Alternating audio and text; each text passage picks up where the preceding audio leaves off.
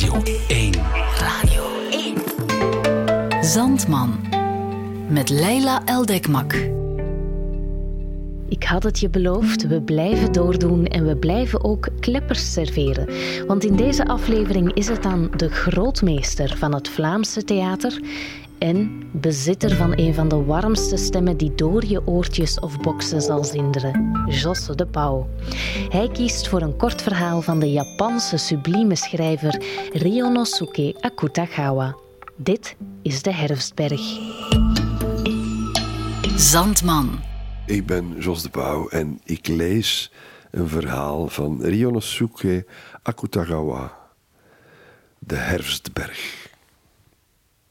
Over Wang Tachi gesproken. Heeft u ooit zijn schilderij De Herfstberg gezien? Deze vraag stelde Wang Shiku aan Yun Nantien, bij wie hij op een herfstavond te gast was. Nee, dat heb ik nog nooit gezien. U wel? Tachi behoorde tot de grootste schilders van het Chinese Rijk. Terwijl Yun Nantien de vraag van zijn gast beantwoordde, verschenen voor zijn ogen de bekende werken van Tachi, het schilderij Zandstranden en de rolschildering De Lente in Pracht. Het is merkwaardig, maar ik kan niet met zekerheid zeggen of ik het schilderij werkelijk heb gezien. U weet niet of u het wel of niet gezien heeft, vroeg Yun Nantien, zijn gast verwonderd aankijkend. Bedoelt u soms dat u misschien een kopie gezien heeft? Nee, nee, een kopie was het niet. Ik heb het origineel gezien. En ik was daarbij niet alleen. Ook de meesters Yenko en Lien Chao waren daarbij. Wang Shiku nipte aan zijn thee en glimlachte pijnzend. Als het u niet verveelt, zal ik u het verhaal vertellen, zei hij. Graag, zei Yun Nantien en hij wakkerde de vlam in de koperen lamp aan. Het was in de tijd, zo begon Wang Shiku te vertellen, dat de oude meester Yuan Tsai nog leefde.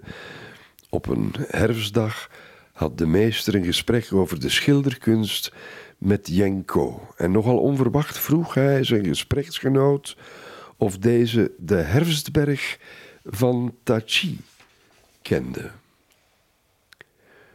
Zoals u weet had Yenko een enorme bewondering voor Tachi en men mag wel aannemen dat hij al diens werken kende.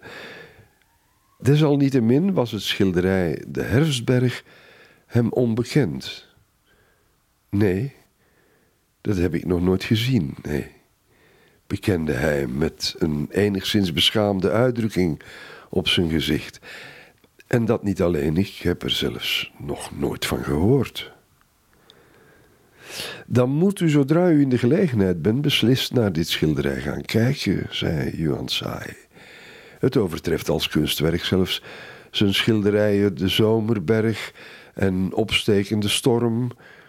Ik zou niet weten welk ander werk van Tachi De Herfstberg zou kunnen evenaren. Is het werkelijk zo'n meesterwerk? Nou, dan wil ik het hoe dan ook zien. Weet u wie de eigenaar is? Het schilderij bevindt zich in het huis van een zekere heer Chang in de provincie Yun. Met uw welnemen zal ik een introductiebrief voor u schrijven. Toen Yenko enige tijd later de brief van Yuan Tsai ontving, vertrok hij onmiddellijk naar de provincie Yun. In een huis dat zo'n waardevol schilderij herbergt, moeten zich haast wel meerdere grote werken bevinden. Deze gedachte maakte hem zo ongedurig dat hij zijn vertrek geen moment langer kon uitstellen. In de provincie Yun aangekomen, constateerde hij echter tot zijn verrassing dat het huis van de heer Chang waarheen hij zo vol verwachting was afgereisd, in hoge mate verwaarloosd was. Het was weliswaar imposant van omvang, maar de muren waren overwoekerd door klimplanten en in de tuin scharrelde tussen het welig tierende gras en onkruid kippen, eenden en andere gevogelte die naar hem opkeken alsof ze nog nooit eerder een bezoeker hadden gezien. Gedurende een ogenblik werd Jenko bekropen door een gevoel van onzekerheid. Hoe was het meesterwerk van Tachi op zo'n plek terechtgekomen? Nu hij eenmaal bij het huis was aangekomen, voelde hij er echter weinig voor om onverrichter zaken weer weg te gaan. Hij klopte op de deur en toen er een bediende verscheen, overhandigde hij de introductiebrief van Yuan Tsai en legde uit dat hij van ver gekomen was in de hoop dat men hem zou toestaan het schilderij De Herfstberg van Tachi te bekijken. Vrijwel meteen werd hij naar een grote zaal geleid.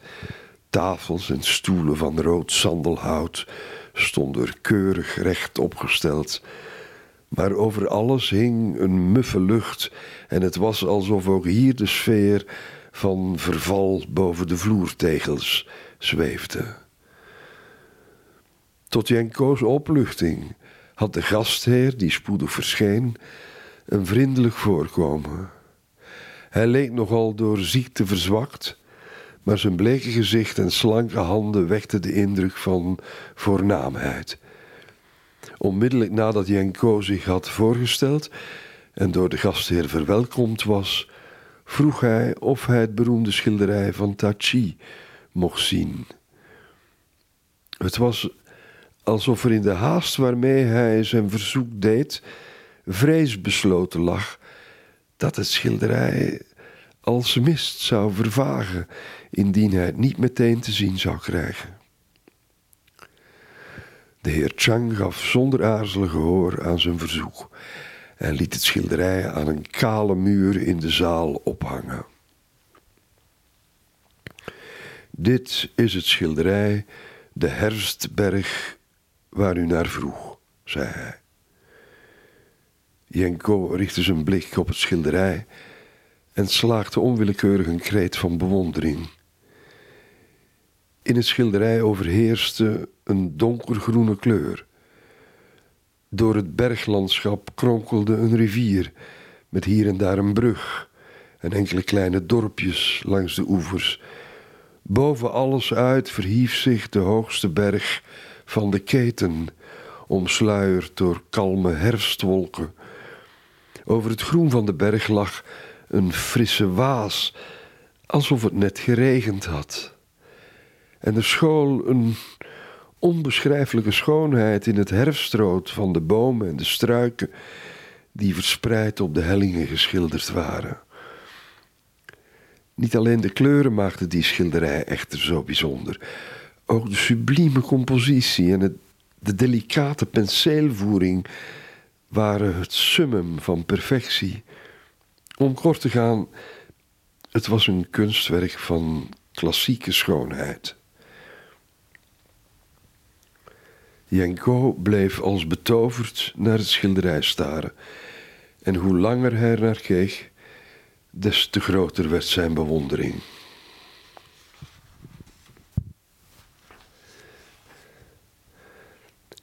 En, vroeg de heer Chang terwijl hij Jenko met een glimlach van opzij aankeek, bevalt het u? Het is een goddelijk werk, riep Jenko zonder zijn ogen van het schilderij af te wenden. Meester Yuan Tsai heeft geen woord te veel gezegd toen hij dit werk zo loofde. Hierbij vergeleken vallen alle andere beroemde schilderijen die ik gezien heb bijna in het niet. Meent u dat? Is het werkelijk zo'n meesterwerk? Jenko keek zijn gastheer met verbaasde ogen aan. Hoe kunt u daaraan twijfelen? Nee, nee, niet dat ik eraan twijfel. Het komt omdat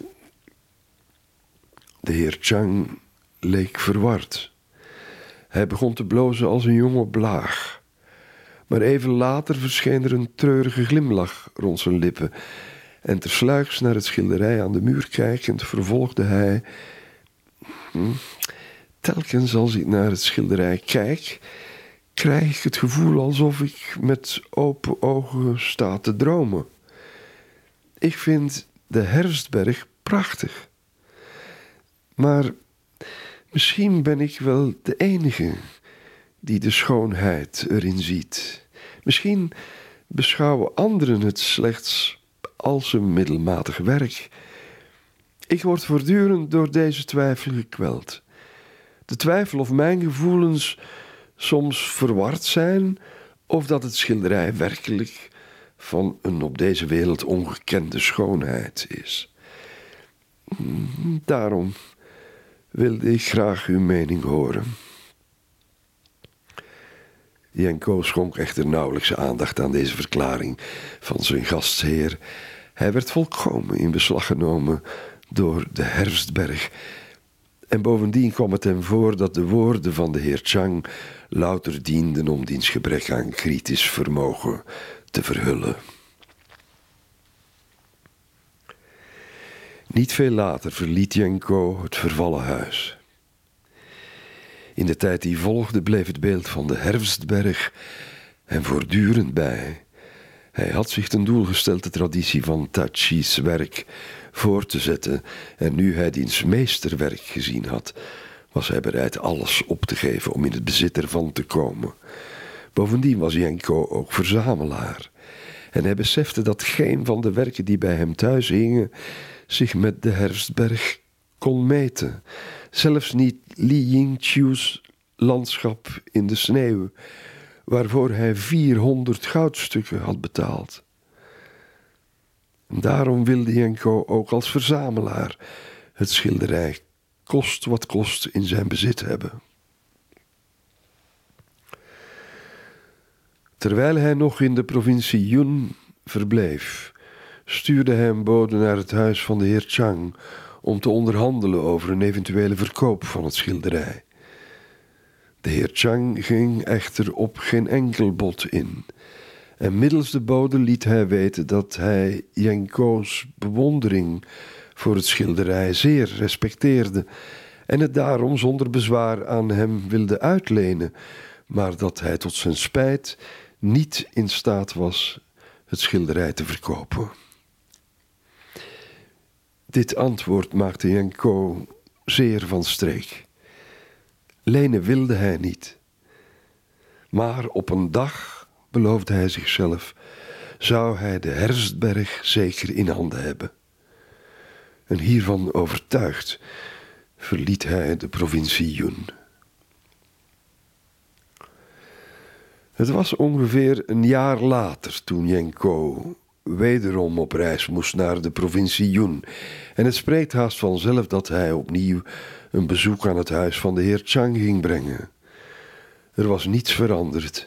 De klimplanten woekerden nog steeds op de muren en het onkruid tierde nog even welig in de tuin. De bediende die de deur opende vertelde echter dat de heer Chang niet thuis was. Jenko vroeg of hij, ondanks de afwezigheid van de heer des huizes, misschien toch het schilderij De Hersberg mocht bekijken. Maar de bediende antwoordde dat hij niemand op eigen gezag kon binnenlaten. Toen Jenko bleef aandringen, werd de deur tenslotte voor zijn heus dichtgegooid. En al zijn kloppen nadien was vergeefs. Jenko had geen andere keus dan te vertrekken. En terwijl hij zijn weg vervolgde, bleven zijn gedachten voortdurend bij de herfstberg, die daar ergens in dat vervallen huis bewaard werd. Wang Shiku onderbrak zijn verhaal hier een ogenblik en vervolgde even later. Hetgeen ik tot nu toe verteld heb, heb ik van meester Yenko zelf gehoord.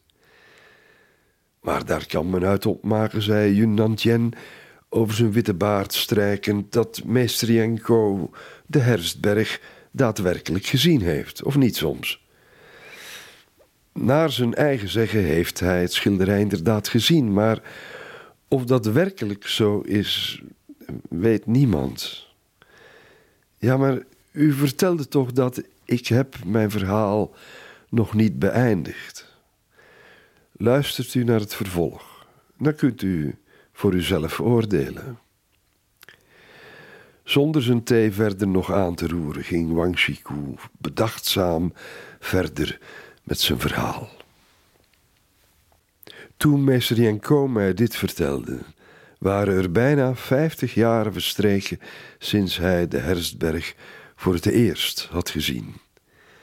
Meester Yuan Sai was reeds lang overleden en het grote huis van de heer Chang was al twee keer in bezit gekomen van een volgende generatie van zijn familie.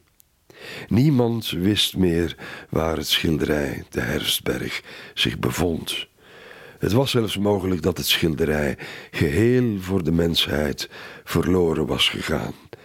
Niemand kon het zeggen. Nadat de oude meester mij de mysterieuze schoonheid van de Herfstberg op zo'n levendige wijze had beschreven, dat ik het als het ware recht voor mijn ogen zag, voegde er enigszins mistroostig aan toe. Het schilderij is als de zwaarddans van Gungzu Tanyang. De penseelstreken zijn er wel, maar men ziet ze niet. Het is de stemming van het geheel die zich van ons hart meester maakt. Een stemming die zich met geen woorden laat beschrijven. Het is net als bij de zwaarddans. De danser en het zwaard zien we niet. We zien alleen iets zweven. Ongeveer een maand na mijn gesprek met meester Jenko, toen de lentewinden reeds begonnen op te steken, moest ik op reis naar de zuidelijke provinciën. Ik vertelde dit aan meester Jenko, waarop hij zei: Dat komt goed uit. Misschien kunt u erachter komen waar de herfstberg zich bevindt. Het zou een grootse dag in de geschiedenis van de schilderkunst zijn als dat schilderij weer boven water kwam. Ik wilde het schilderij uiteraard ook zelf bijzonder graag zien en vroeg de oude meester een introductiebrief voor mij te schrijven. Tijdens mijn reis was ik echter zo druk bezet met zaken dat ik geen tijd kon vinden om bij het huis van de heer Chang langs te gaan. De lente ging voorbij terwijl ik met de brief van meester Yanko in mijn reistas nauwelijks een serieuze poging had kunnen doen om het schilderij op te sporen.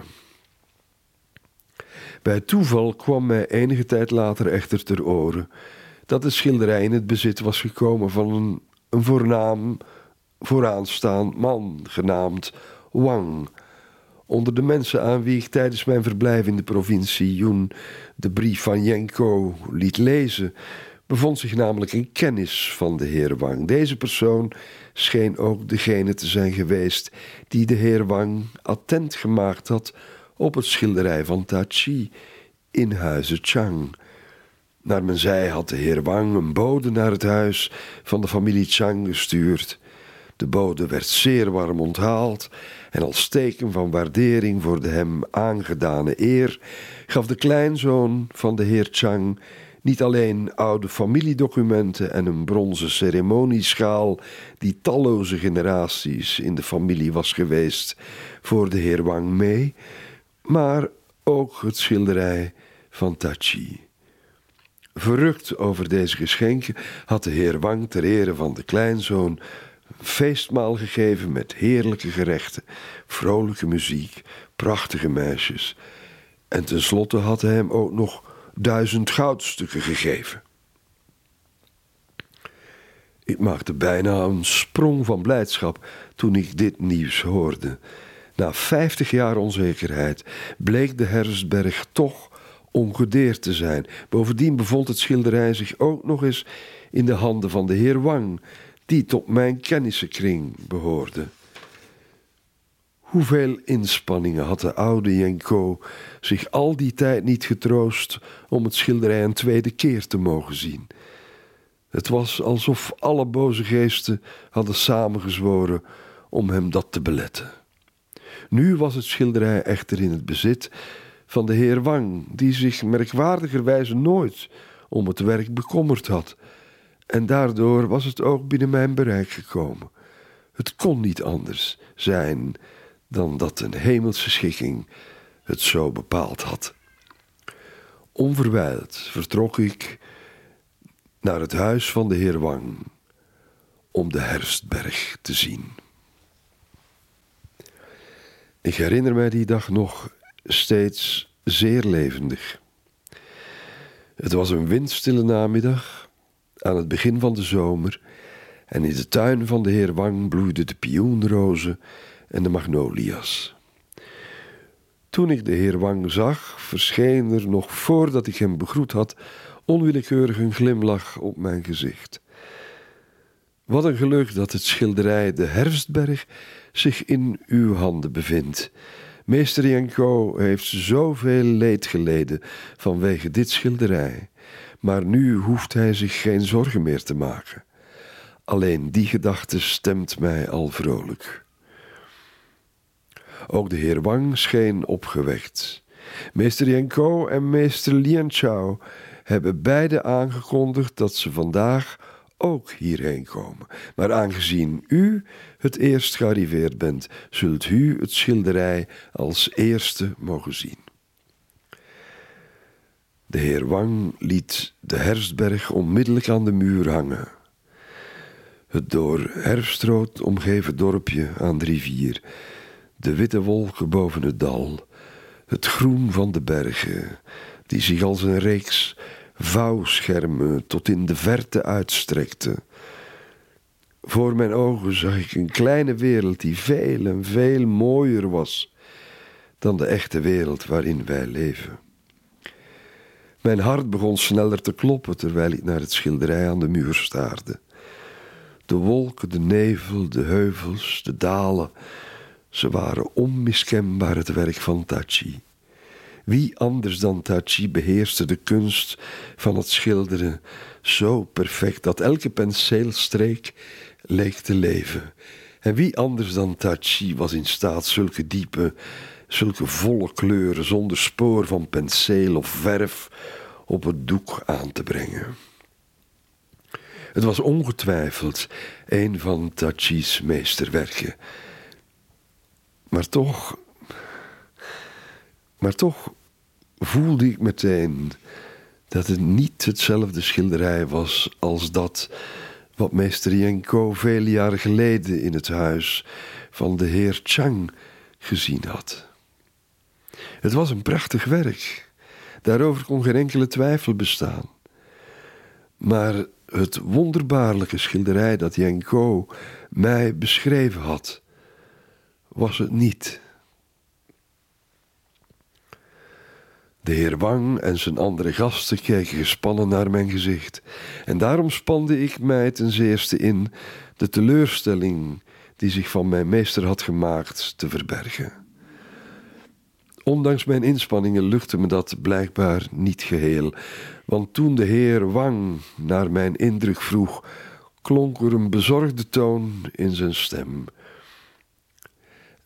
Het is werkelijk een meesterwerk, haast ik mij te zeggen. Ik begrijp nu ook volkomen waarom meester Jenko zo diep onder de indruk is van dit schilderij. Langzaam klaarde het gezicht van de heer des huizes enigszins op, maar de lichte frons tussen zijn wenkbrauwen verried dat mijn lovende woorden hem niet geheel gerust hadden kunnen stellen. Net op dat moment werd tot mijn opluchting meester Jenko aangekondigd. Hij begroette de heer Wang met een glimlach en zei: Nadat ik de Herfstberg vijftig jaar geleden in het huis van de heer Chang eenmaal heb gezien, is vandaag eindelijk de dag aangebroken waarop ik dit schilderij weer mag bekijken. En terwijl hij dit zei, wendde hij zijn blik reeds naar het werk van Tachi aan de muur. Was dit het schilderij dat hij in het huis van de heer Chang had gezien? Alleen de oude meester zelf kon deze vraag beantwoorden. Gespannen keken wij naar de uitdrukking op zijn gezicht. Viel er niet een donkere schaduw over zijn gelaat? Na enige tijd van stilte wendde de heer Wang zich tot de meester en vroeg met een bezorgde en benepen stem: Wat vindt u ervan? We hebben zo even de mening van meester Chikou mogen horen, maar een koude rilling liep over mijn rug bij de gedachte dat meester Janko in zijn eerlijkheid niet om de waarheid heen zou kunnen. Maar blijkbaar kon ook hij het niet over zijn hart krijgen zijn gastheer teleur te stellen.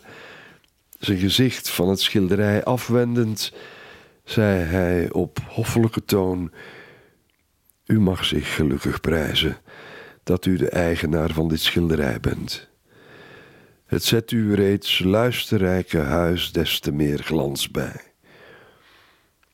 Door deze woorden werd de uitdrukking op het gezicht van de heer Wang alleen nog maar zorgelijker. Indien op dat moment meester Lien Chao niet gearriveerd zou zijn, hadden we een bijzonder pijnlijke situatie beleefd. Toen meester Yenko echter geen woorden meer dreigde te kunnen vinden, stapte Lien Chao gelukkig naar binnen. Is dit het schilderij de herfstberg waarover gesproken wordt? vroeg hij, zich meteen naar het werk aan de muur wendend, nadat hij de aanwezigen vluchtig had begroet. Het bleef enige tijd stil. Hij stond zwijgend te kijken, terwijl hij op het puntje van zijn baard beet. Vijftig jaar geleden verduidelijkte de heer Wang, die steeds onzekerder leek te worden, heeft meester Janko ditzelfde schilderij ook al eens gezien. Nu, wat hier nog vermeld dient te worden, is dat Lian Chao meester Janko nimmer over de Herfstberg had horen spreken. Hoe vindt u het? Wat is uw mening? Lian Chao bleef zwijgend naar het schilderij staren en zuchtte diep. Alsjeblieft, zegt u me wat u er werkelijk van vindt, drong de heer Wang geforceerd glimlachend aan. Dit, dit, dit is. Uh, Lien Chao's woorden stokten. Ja, dit. Dit is zonder meer het allerbeste werk van Tachi. Kijkt u eens hoe die wolken getint zijn, wat een kracht schuilt daarin. En de kleurschakering van de bomen, die is hemels te noemen. En die bergtop in de verte, moet u zien hoe de gehele compositie daardoor tot leven wordt gebracht, sprak Lien Chao met grote bewondering in zijn stem, terwijl hij met zijn vinger verscheidene sterke punten op het schilderij van zijn gastheer aanwees. Ik hoef u niet te vertellen dat het bezorgde gezicht van de heer Wang zichtbaar opklaarde. Ondertussen hadden meester Jenko en ik elkaar heimelijk aangekeken. Is dit hetzelfde schilderij, meester? fluisterde ik. De oude meester schudde het hoofd, deed zijn ogen geheimzinnig toe het is allemaal net een droom, mompelde hij. Misschien was de heer Chang wel een soort tovenaar. Ik zou het echt niet weten. Dit is het verhaal van de herfstberg, zei Wang Chiku. En hij nam een slokje van zijn thee. Het is inderdaad een wonderlijk verhaal, beaamde Yun Nantien zonder zijn ogen van het lamplicht af te wenden. Naar het schijnt heeft de heer Wang nadien van alles in het werk gesteld om meer over het schilderij te weten te komen, maar zelfs in huizen Chang kon niemand hem meer vertellen dan al bekend was. Ik heb zelfs geen idee of het schilderij dat meester Jenko destijds gezien heeft vandaag de dag nog ergens verborgen wordt gehouden, of dat het allemaal op een geestesdwaling van de oude meester berust. Hoe het ook zij, eens heeft Jenko het huis van de heer Chang bezocht. Dat gedeelte van het verhaal kan geen fantasie geweest zijn.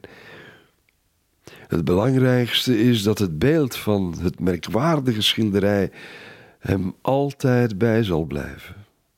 En u ook trouwens. Ja, het is of ik het donkere groen van de bergen en het rood van de herfstbladeren ook nu nog voor mijn ogen zie. En dus is er eigenlijk geen enkele reden om te treuren. Zelfs al heeft het schilderij nooit bestaan. Vindt u niet? En de grote meesters Yun Nantien en Wang Shiku klapten beiden schaterend in de handen.